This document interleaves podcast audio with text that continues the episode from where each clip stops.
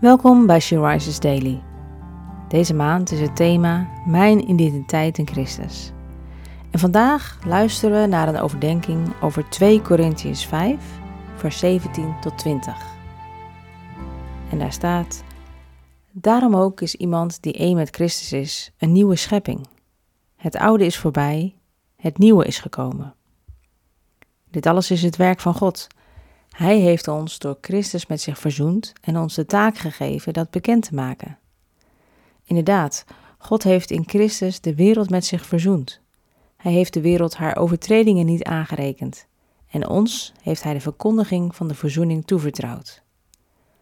Wij zijn gezanten van Christus en God doet door ons zijn oproep. Namens Christus vragen wij u dringend: laat u met God verzoenen. Verkondig. We mogen ons verwonderen met het feit dat we een nieuwe schepping geworden zijn. Niet uit onszelf, maar het is Gods werk die Hij in ons gedaan heeft.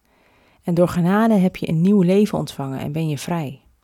Je bent nu één met Hem geworden. Niets of niemand kan dit veranderen.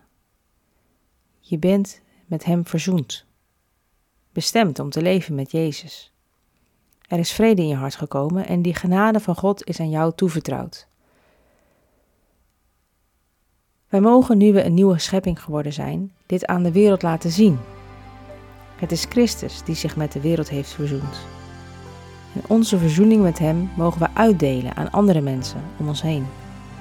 Iedereen kan namelijk met God verzoend worden. Wij nu zijn Gods gezanten. Wij mogen zijn boodschap van redding en liefde vertellen aan de ander, zodat hij ook met Jezus verenigd kan worden.